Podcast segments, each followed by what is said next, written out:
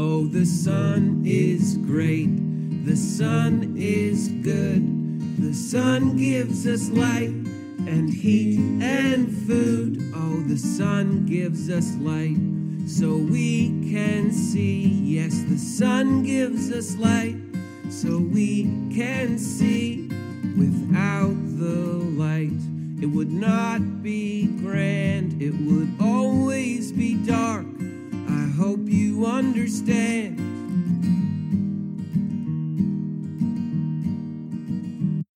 Góðan og blessaðan daginn og velkomin í popsálina.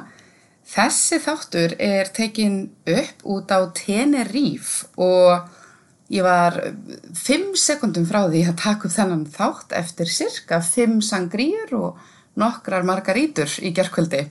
En hætti við og ég held að það sé bara fyrir bestu.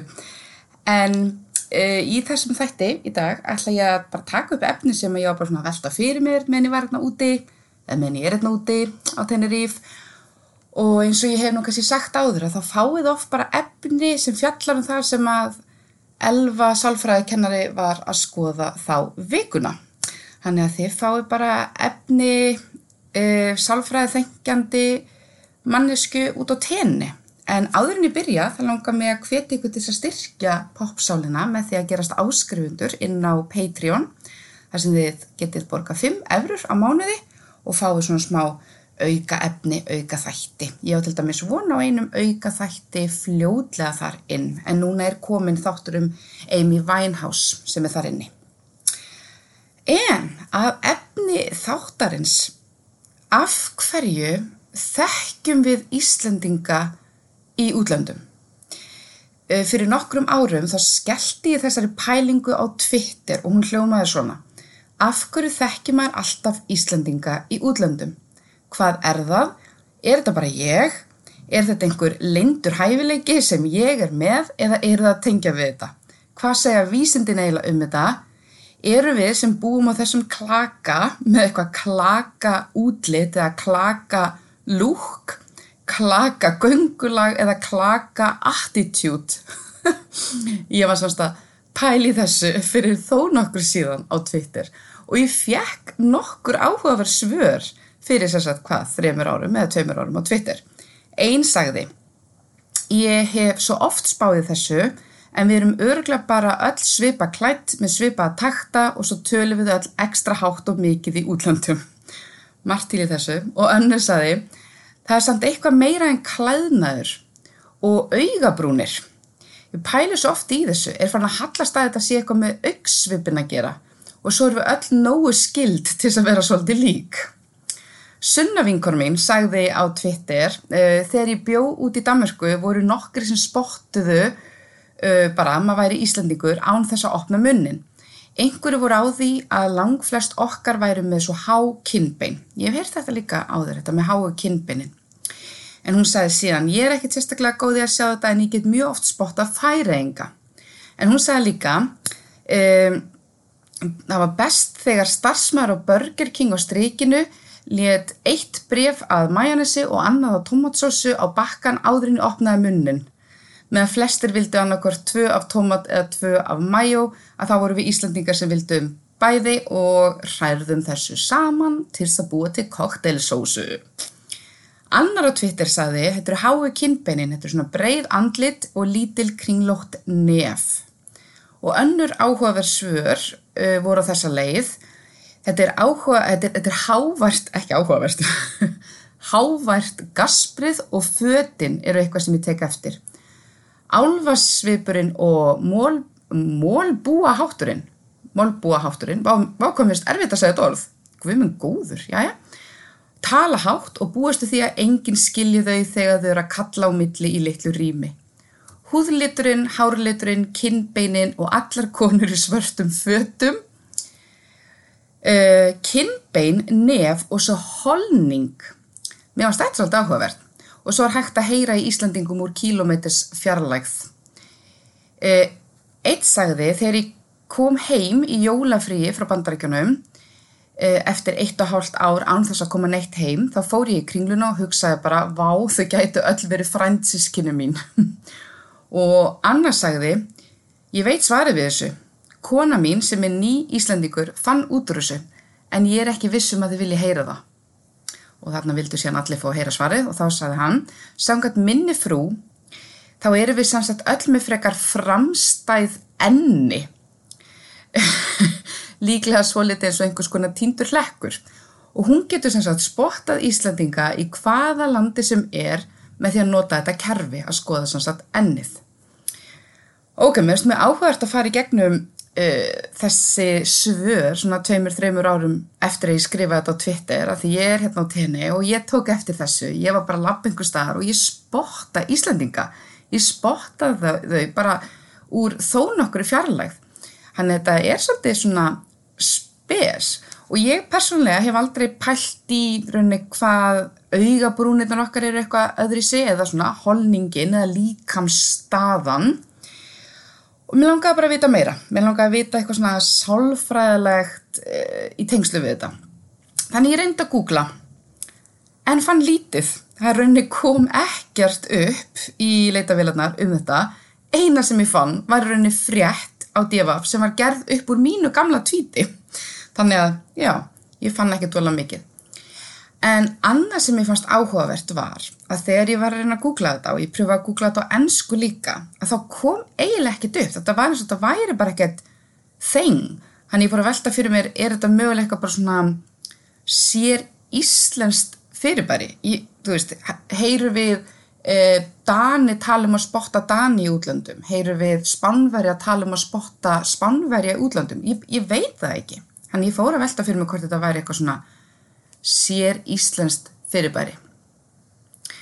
En einn á Twitter kom með mjög góðan punkt og þetta er punktur sem ég ætla að fókusa á hérna í þessu frekar stutta þætti af því að þið veitir ég er bara býðast að komast aftur út um, á sundlagabakkan með mína sann gríu sko. En einn á Twitter kom með mjög góðan punkt og hann sagði uh, ég bý í Damörku og ég sé á sumum Íslandingum að þau séu Íslandingar án þess að þau segi neitt. En ég get auðvitað ekki verið vissum að það gildum alla Íslandinga. Því þeir, því þeir Íslandingar sem ég sé ekki að séu Íslandingar veit ég auðvitað ekki að ég sá ekki að væru Íslandingar. Fattiði mig? veist, við sjáum bara þegar við spottum rétt. Við veitum ekki þegar við spottum ekki rétt. Þannig að þessi aðili tala um það sem að hann vildi kalla svona e, valin aðtegli og síðan staðferstingar skekju og það er þetta tvent sem ég langar aðeins að skoða dag. Þetta er svona áhugaverð sálfræðileg fyrirbæri sem útskýra svolítið þetta sem við erum að upplifa.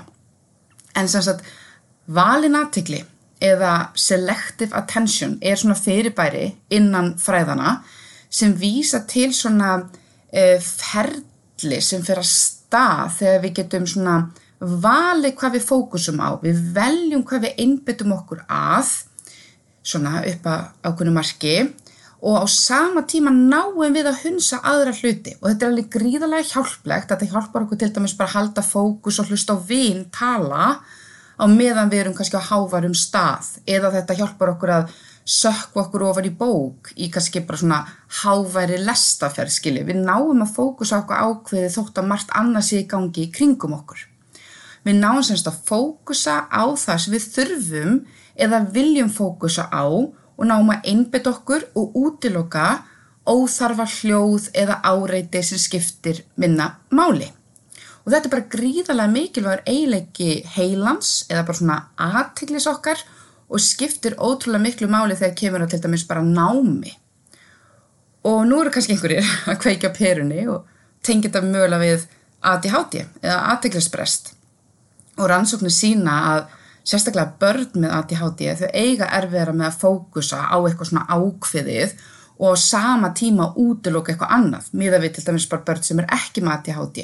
Þessi krakkar þau er einhvern veginn sko, þau skinja allt, allt fer inn í skinnfærin eða gegnum skinnfærin. Það vantar svona einhverja svona síu sem að síjar frá það sem skiptir ekki máli at the moment Þannig að þú getur verið kannski inn í kennslustofinni og þú ert að reyna að hlusta á kennaran en þú heyrir allt í einu einhver fyrir aftur að þið vera að tyggja tyggjó eða það er bíl úti á götu að keira eða þú tekur eftir hljóðinu í skjávarpanum og þótt að við hinn sem erum ekki með ADHD heyrum þetta kannski alveg þið vitið, eirun okkur, eirun okkar skinja þetta alveg þá fer þetta ekkert endilega inn í meðvitaða partin af huga okkar að því við getum fókusað í smá tíma allavega á það sem við þurfum að fókusa uh, á þeim tíma.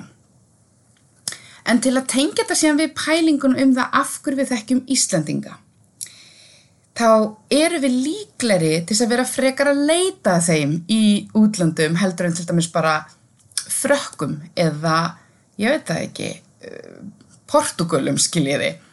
Við erum að hunsa aðra þjóðir þegar við erum bara svona röllt eftir strandlengunni og erum meðvitað eða ómeðvitað að fókusa á þessa íslensku.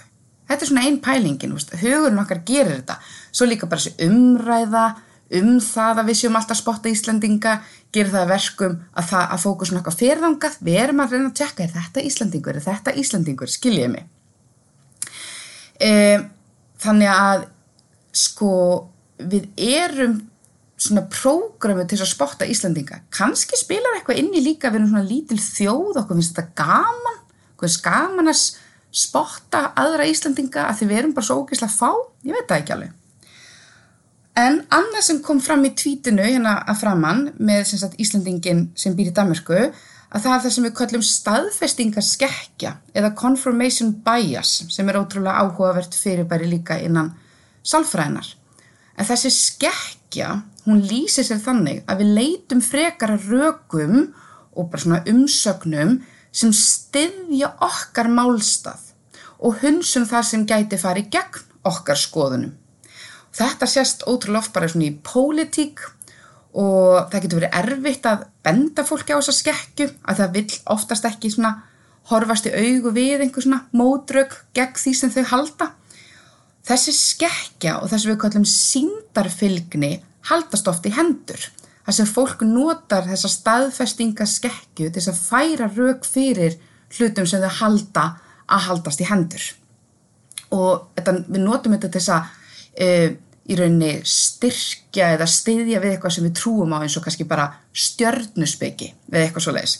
En syngdarfylgnið sem sagt lýsir sig þannig að þegar tveir algjörlega ótengdir hlutir uh, gerast þegar við erum saman, annar í kjálfara hinum og við tólkum það sem svo að það sé einhver tengst þarna milli eða sé einhver fylgnið þarna milli.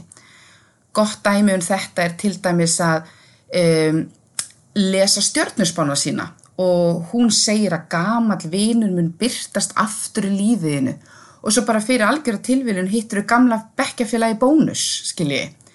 Þessi tveir atbyrðir eru algjörlega ótengdir, þetta er algjör tilviljun en við erum forritu þannig að við leitum að minstrum í umhverfin okkar, við leitum að einhverjum táknum, við fyllum upp í eigðurnar þegar við skiljum ekki eitthvað. Þannig að við erum þetta er mjög svona sjálfsögð viðbröð, þetta er mjög svona náttúruleg viðbröð að halda þessi fylgnið á milli. Um, þá getur maður alveg spurt sig, ok, hversu oft segir stjórnusbáum mín eitthvað sem rætist síðan ekki skiljiði? Og annað dæmi þetta er til dæmis þegar fólk segist að hafa dreymt einhvern og svo bara vá, svo hitti hann vikuna þar og eftir. En hversu oft hefur þið dreymt einhvern og ekki hitt hann, fattiði mig. En við munum frekar þegar við hittum hann. Að þetta er blanda af þessari svona síndarfylgni, við búum til tengslinn og síðan staðfestingar skekku þar sem að við uh, notum dæmið þar sem þetta gekku upp til að steyðja það sem við trúum á. Þannig ef við trúum því að með dreymir um einhvern að þá mun ég hitt hann að ég sé að dreyma fyrir einhverju, þá nota ég dæmið þar sem það gengur upp, þar sem það gerist til þess að styrkja mína skoðun, til þess að styðja mína skoðun, en hunsa öll hinn skiptin þar sem ég dreymdi einhvern en hitt hann ekki, skiljiði mig. En sannsagt, þessi staðfestingaskekkja er bara ótrúlega algeng hugræn skekkja og felur það í séð að við erum ómeðvitað alltaf að reyna að styðja við þá skoðun sem við höfum nú þegar. Ef við til dæmis trúið í að bara Jón sé ógeðslega leiðilegur þá teki frekar eftir því þegar hann er ógislega leðilegur og ég hunsa eða gerir lítið úr því þegar hann er bara skemmtilegur. Ég leita alltaf að sönnunum fyrir því sem ég trúi á nú þegar. Þetta fyrirbæri getur til dæmis útskýrt það sem við erum svolítið að upplifa núna þessa daga í tengstu við bólusetningar. Það getur útskýrt það af hverju fólk getur til dæmis bara lesið sömu fréttina eða sömu vísindagreinina og tekið ólíka hluti úr henni þar sem kannski einn trúir á eitt meðan hinn trúir á það andstæða en þeir velja að taka úr greininni þar sem hendar þeirra sjónamiði. Þannig að vísindagrein um til dæmis bara gagsemi bólusetninga kemur kannski út. Sá sem hefur jákvæða skoðun á bólusetningum og bara trúir á þær, tekur úr greininni þar sem stiður það, líkt og flestar vísindagreinar um bólusetningar gera. En þeir sem eru mótfallir bólusetningum, þeir ná með hver einustu lesningu líka styrkja eigin skoðun. Af því að alvöru vísindagreinar, eða bara í alvöru vísindagreinum, þá þarf alltaf að nefna hvað hefði mátt betur fara. Það þarf alltaf að nefna þið vitið hvað þarf að gera betur næst eða hvað þarf að laga eða þau litlu prósent sem síndu eitthvað annað. Við megum ekki sleppa að nefna það. Og þá getur manneskja sem er í grunninn ansnúin bólusetningum lesi sömu grein og hinn og teki þetta úr greininni og litið á þetta sem aðal atriðið og styrt skoðun sína ennþá betur. Þrátt fyrir að hafa lesið alveg sömu grein og hinn aðilinn. Þannig að báðir hafa eiginlega rétt fyrir sér, eða svona þannilega séð, þau bara fókusa á ólíka hluti. Svo múnu alveg þau veitir nefna kannski að annar fókusin er mögulega starra en hinn og mikilvægri svona í stóra samminginu en það er annað mál. Af því að þið veitir þetta sem að talar gegn bólusetningum, það stendur alveg þarna líka, það er alveg þarna. Þannig að sá sem er á móti bólusetningum, hann er ekkert að ljúa í rauninni. En þetta er kannski bara freka mikið aukaðatriði. Og ef við yfirfærum þetta aftur yfir á, af hverju ég þekki Íslandík á Teneríf? Hugsa um þetta þannig, ég kannski í einhver skipti náða að spotta Íslandinga og hugsaði, hei, ég verðist alltaf þekka Íslandinga í útlandum. Svo í hvers skipti sem ég spotta þá, ég sé þau kannski úr fjarlægð og svo þegar ég nálgast og heyri ég að þau eru að tala íslensku, þá styrkist þetta, þá styrkist þessi hugmynd mín um að ég er svona óbúslega duglega að spotta alltaf Íslandinga. En, en líkt að kom fram í tvítinu sem ég nefndi áðan, þá eru auðvitað uh, mögulega Íslandingar út um allt sem ég er bara alls ekkert að spotta og ég veit ekki að ég er ekki að spotta þá af því ég heyri, það ekki tala eða ég er ekki að spá í þeim. Þannig að það myndast aldrei neyn mótrök gegn hugmyndinu minni. Ég get aldrei í rauninni myndað einhver uh, ansfur nema ég færi bara virkilega í einhverja herrferð og ég færi bara að rannsaka þetta. En þótt ég sé nú bara að tala hérna um af hverju við þekkjum alla Íslandinga í útlandum og sérstaklega hérna tenni, þannig að bara annað hver Íslandingur er hérna út á tenni at the moment, að þá getur þetta líka verið bara alveg stór hættulegt e, fyrirbæri. E, segjum sér svo bara að lögreglumæður grunar kannski snemma í einhverju rannsóknar ferli, einhvern aðila. Bara, þau veitir, Jón og þá ómeðvita þá tekur hann frekar eftir atriðum sem sanna það að Jón sé hins seki.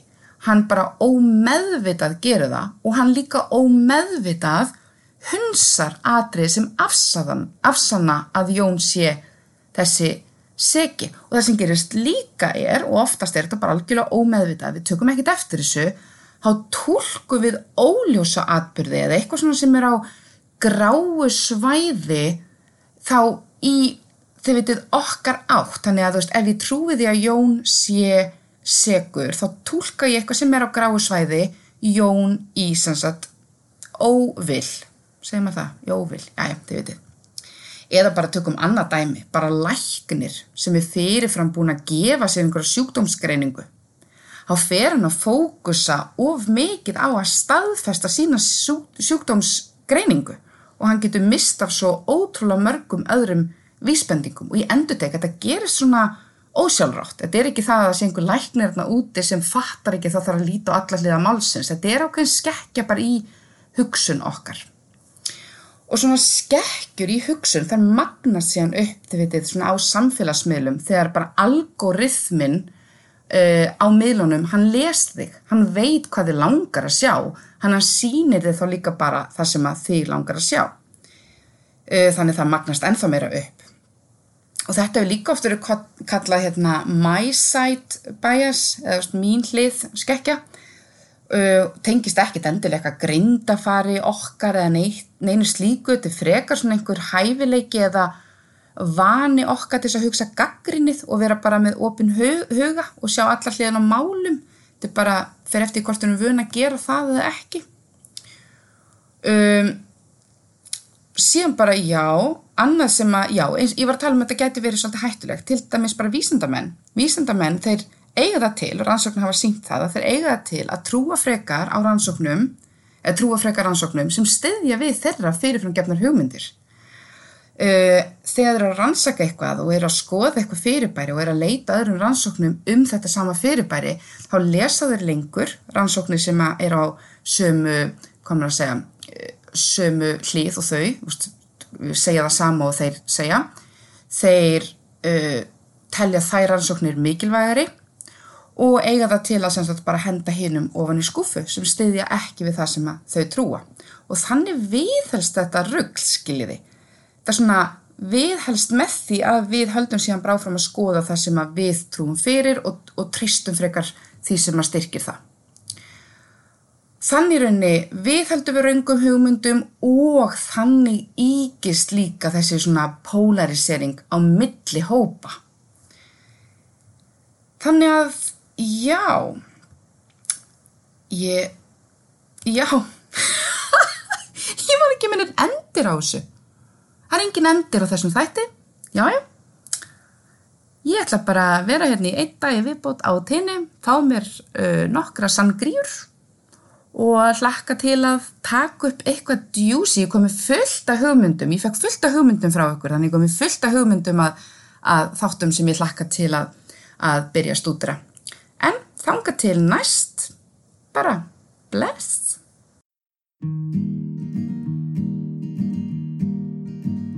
Oh, the sun is great, the sun is good, the sun gives us light. and heat and food. Oh, the sun gives us light so we can see. Yes, the sun gives us light so we can see. Without the light, it would not be grand, it would always be dark. I hope you understand